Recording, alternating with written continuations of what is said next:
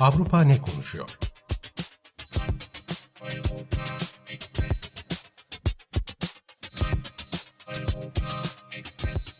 Avrupa medyasından yorumlar.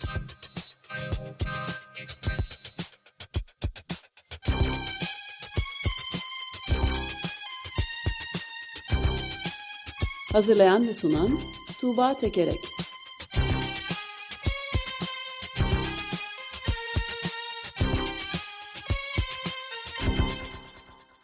Günaydın Tuğba, merhabalar. Günaydın Ömer Bey. Günaydın. Günaydın Özdeş. Avrupa neler konuşuyormuş bakalım bugün, bu Ee, hafta. bakalım, bakalım. Ee, Eurotopics bültenlerinden derlediğim haber ve yorumlarda yine maalesef en başta savaş haberleri var. Ukrayna Savaşı'na dair haberler. Ee, hep bundan bahsediyoruz. Galiba yani bu gelişmeler gösteriyor ki en azından önümüzdeki yılda de bahsetmeye devam edeceğiz. Şöyle ki e, Ukrayna Savaşı için yeni yılla birlikte yeni strateji arayışına girildiğine dair haberler var.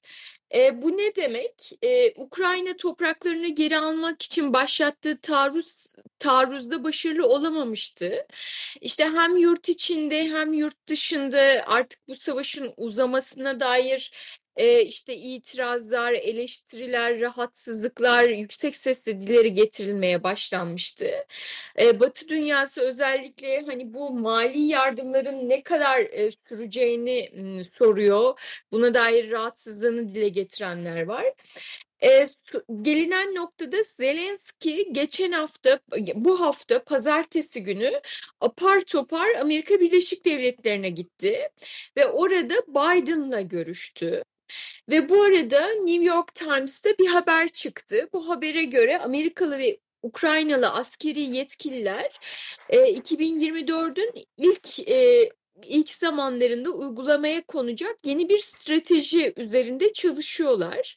Yani bu şey e, sürecin bu şekilde devam etmemesine e, devam etmesine izin vermemek gerektiğini düşünüyorlar.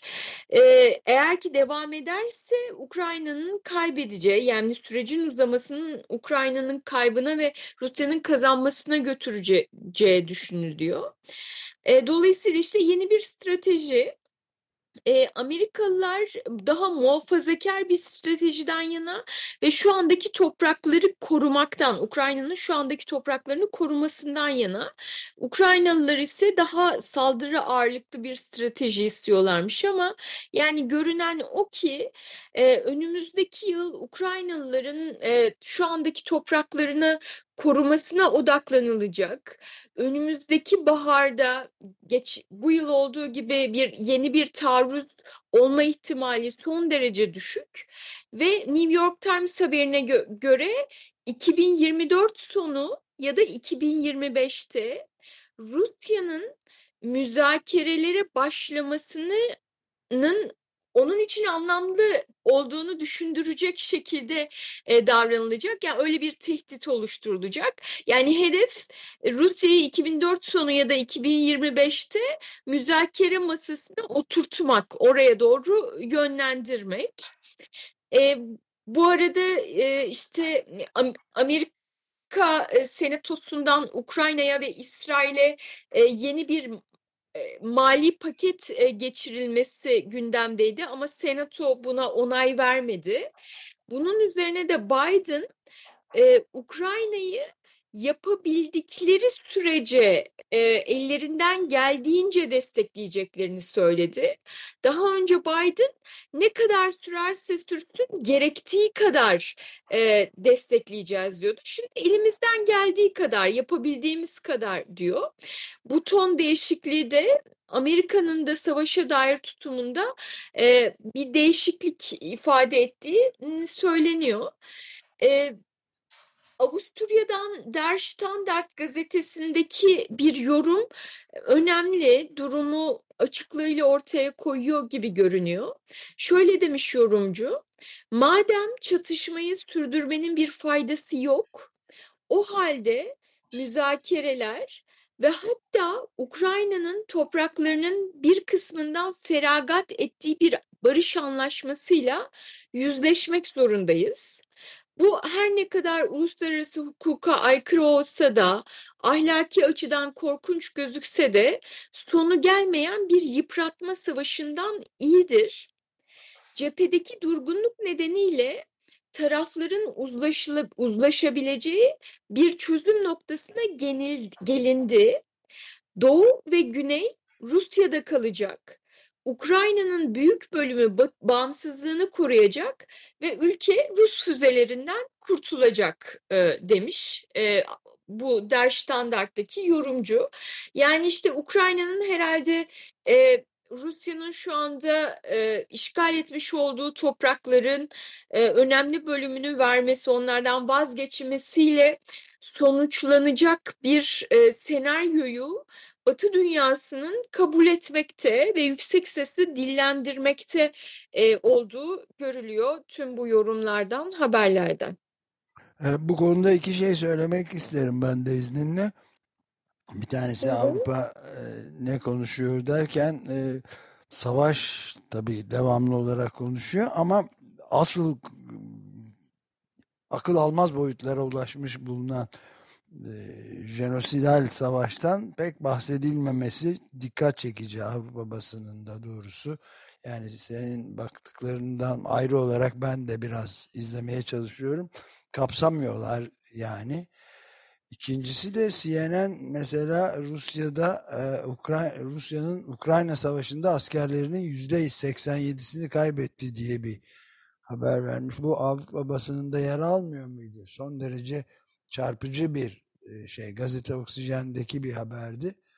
Yani CNN Amerika Birleşik Devletleri istihbaratının kongreye sunduğu değerlendirme raporuna göre bir haber yapmış. Rusya savaş öncesine kıyasla askeri varlığında çok ciddi bir kayba uğramış. Yüzde 87 doğru olabilir mi diye bilmiyorum ama yani 360 bin askerle girdiği ve bunlardan sözleşmeli personel de dahil 315 bininin sahada kaybedildiğine işaret edilen bir rapordan bahsediyor.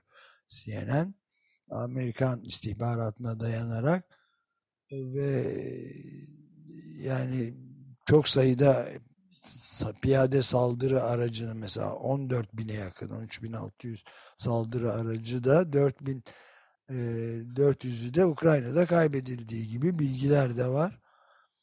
E, böyle bir haber de vardı. Ben e, benim e, dün okuduğum e, bilgilerden bir tanesi e, sadece Amerika bugüne kadar Ukrayna'ya 111 milyar dolar destek vermiş. Yani sadece Amerika düşünün e, bu savaş için Ukrayna tarafında harcanan paraya dair e, önemli bir gösterge 111 milyar dolar. Öte yandan yani Rusya her ne kadar e, asker kaybediyor olsa da bir şekilde bunların yerine yenilerini koymayı başarıyor mu bilmiyorum.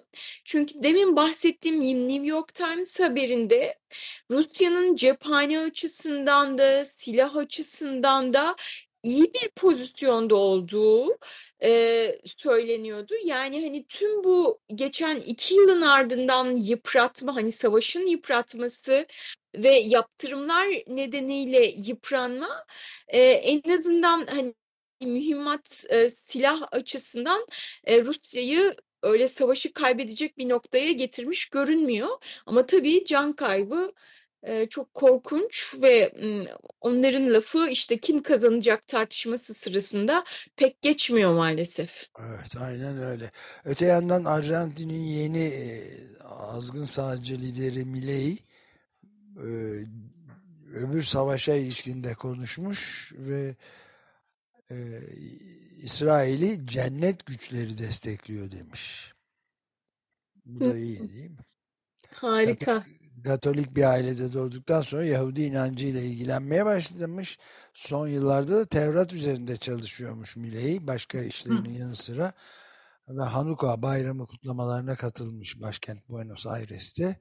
Ve burada yaptığı konuşmada tıpkı Netanyahu'nun da başta söylediği gibi ışık karanlığa üstün gelecek. Cennetin güçlerinin Arjantin'i destekleyeceğini biliyoruz ve daha da önemlisi İsrail'i destekleyecek demiş.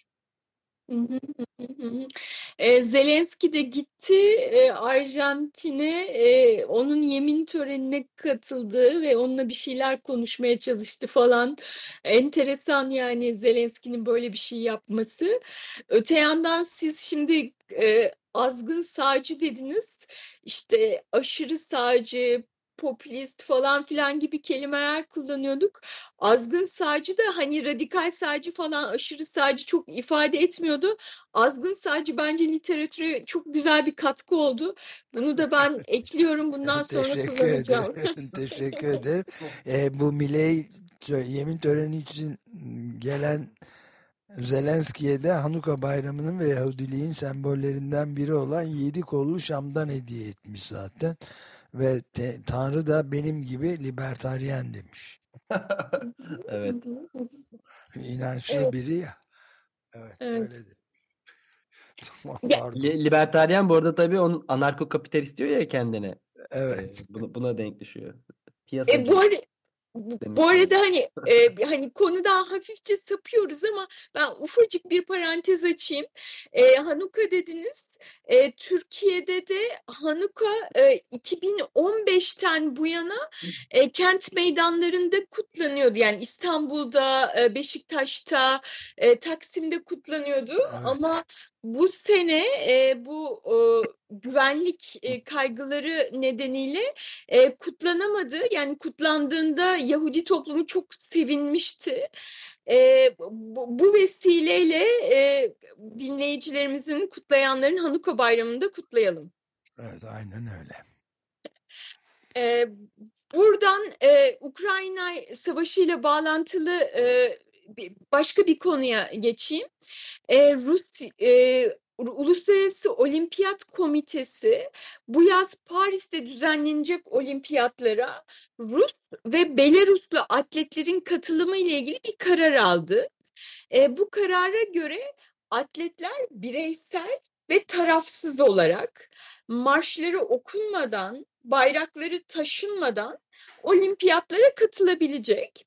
Ayrıca ordu mensubu ya da savaş destekçisi olmamaları şart koşuluyor katılacak e, Ru- Rus ve Belarus atletleri için.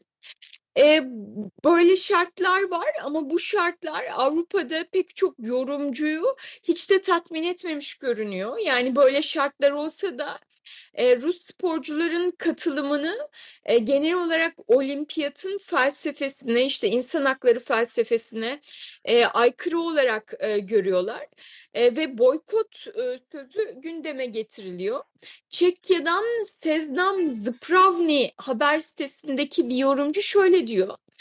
Rusya'da spor toplumun afyonu niteliğinde totaliter rejim onları apacık atletleri kendi reklamını yapmak için kullanıyor.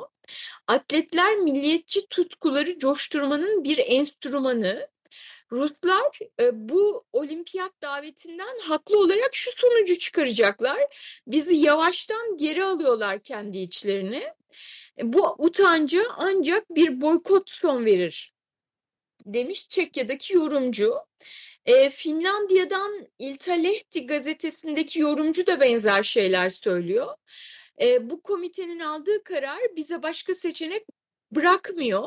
Rusların katılımına izin verilirse Finli atletler Paris'teki olimpiyatlara ve bir sonraki kış olimpiyatlarını boykot etmek zorunda kalacak. Zira başka herhangi bir çözüm ahlaki açıdan savunulmaz olacaktır e, demiş. Ee, öte yandan tabii Rusya tarafı da var. Yani Rus atletlere belli koşullar altında katılımlarına izin veriliyor. Ee, Rusya'dan da İzvestiya gazetesindeki yorumcu bu durumda Rusların ne yapması gerektiğini tartışıyor.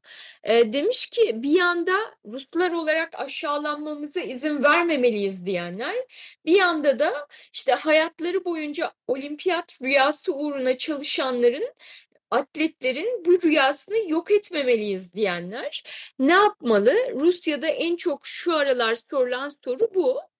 Ee, ücretlerin kesilmesi ya da yaptırımlar gibi tehditler kullanmaksızın atletlerin Paris'e e, gitmesine e, pardon e, ücretlerin kesilmesi ya da yaptırımlar gibi tehditler kullanarak atletlerin Paris'e gitmesinin yasaklanması uygun kaçmaz. Karşı tarafa benzememeliyiz.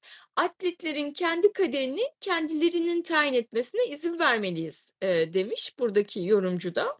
Yani kendileri istiyorlarsa gitsinler diyor.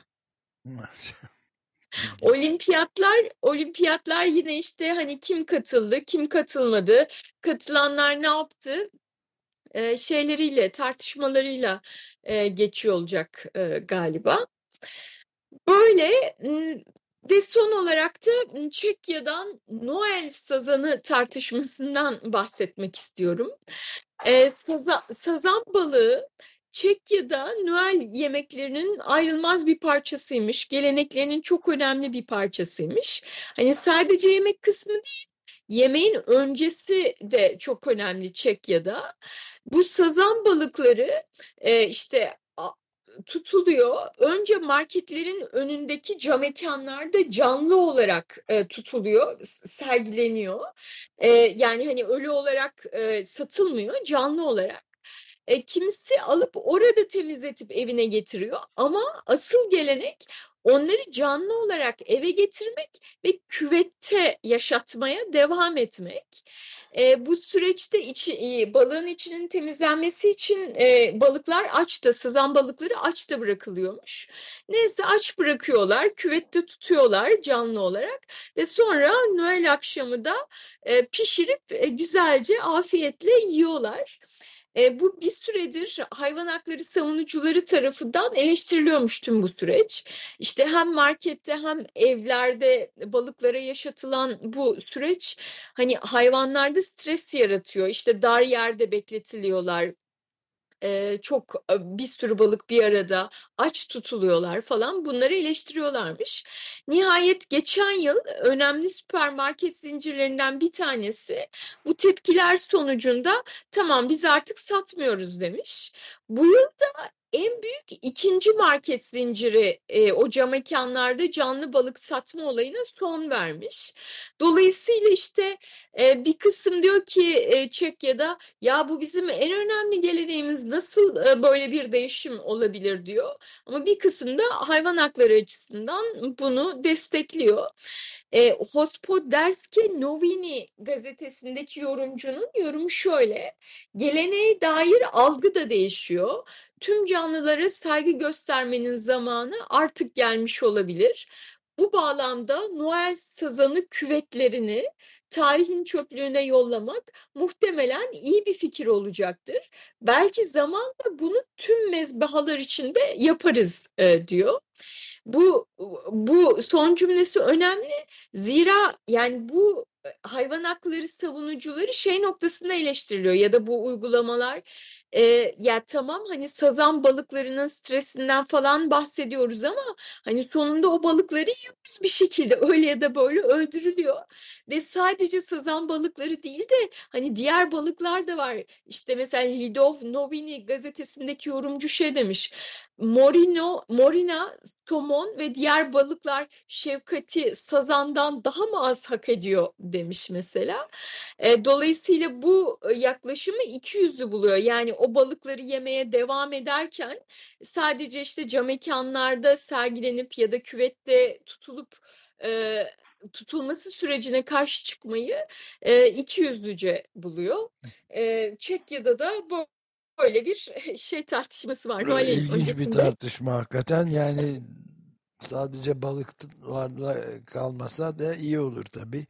arada söylendiği gibi çünkü özellikle de kümes hayvanları, tavuklar, hindiler vesaire hele Noel'de olağanüstü acılar içinde kıvrandırılan hayvanlar var ve bir de tabii mezbahaların durumu.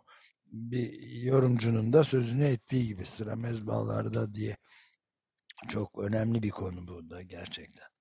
E, kimisi de bu konuda şey söylüyor yani cam mekanlarda sergilenmesi ya da küvette tutulması aslında öldürülmeden önce bu hayvanlarla bizim bir e, hani ilişki kurmamızı dolayısıyla onların yaşadıklarını yani çektikleri eziyeti ve ölümlerinin ne kadar acı bir şey verici bir şey olduğunu görmemizi sağlıyor.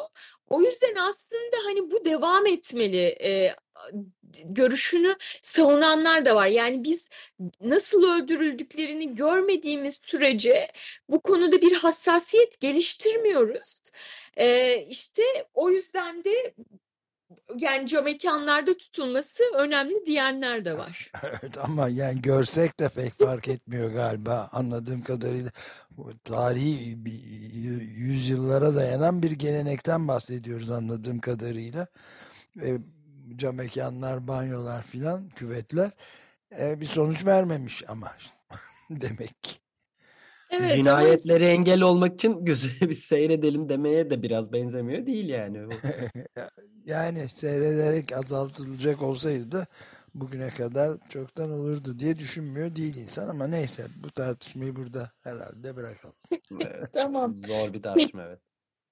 Peki, e, Eurotopics e, bültenlerinden bu haftalık da bu kadar. E, izleyen, e, isteyen dinleyicilerimiz bizi Eurotopics alt çizgi tr e, hesabından, Twitter'dan takip edebilirler. Ya da Eurotopics Türkçe diye arattıklarında hemen web sitemiz karşılarına çıkar ve günlük e, bültenlerimize abone olabilirler. Çok teşekkür ediyorum. Gelecek hafta görüşmek üzere. Görüşmek üzere biz teşekkür Görüşmek üzere. ederiz. Hoşçakalın.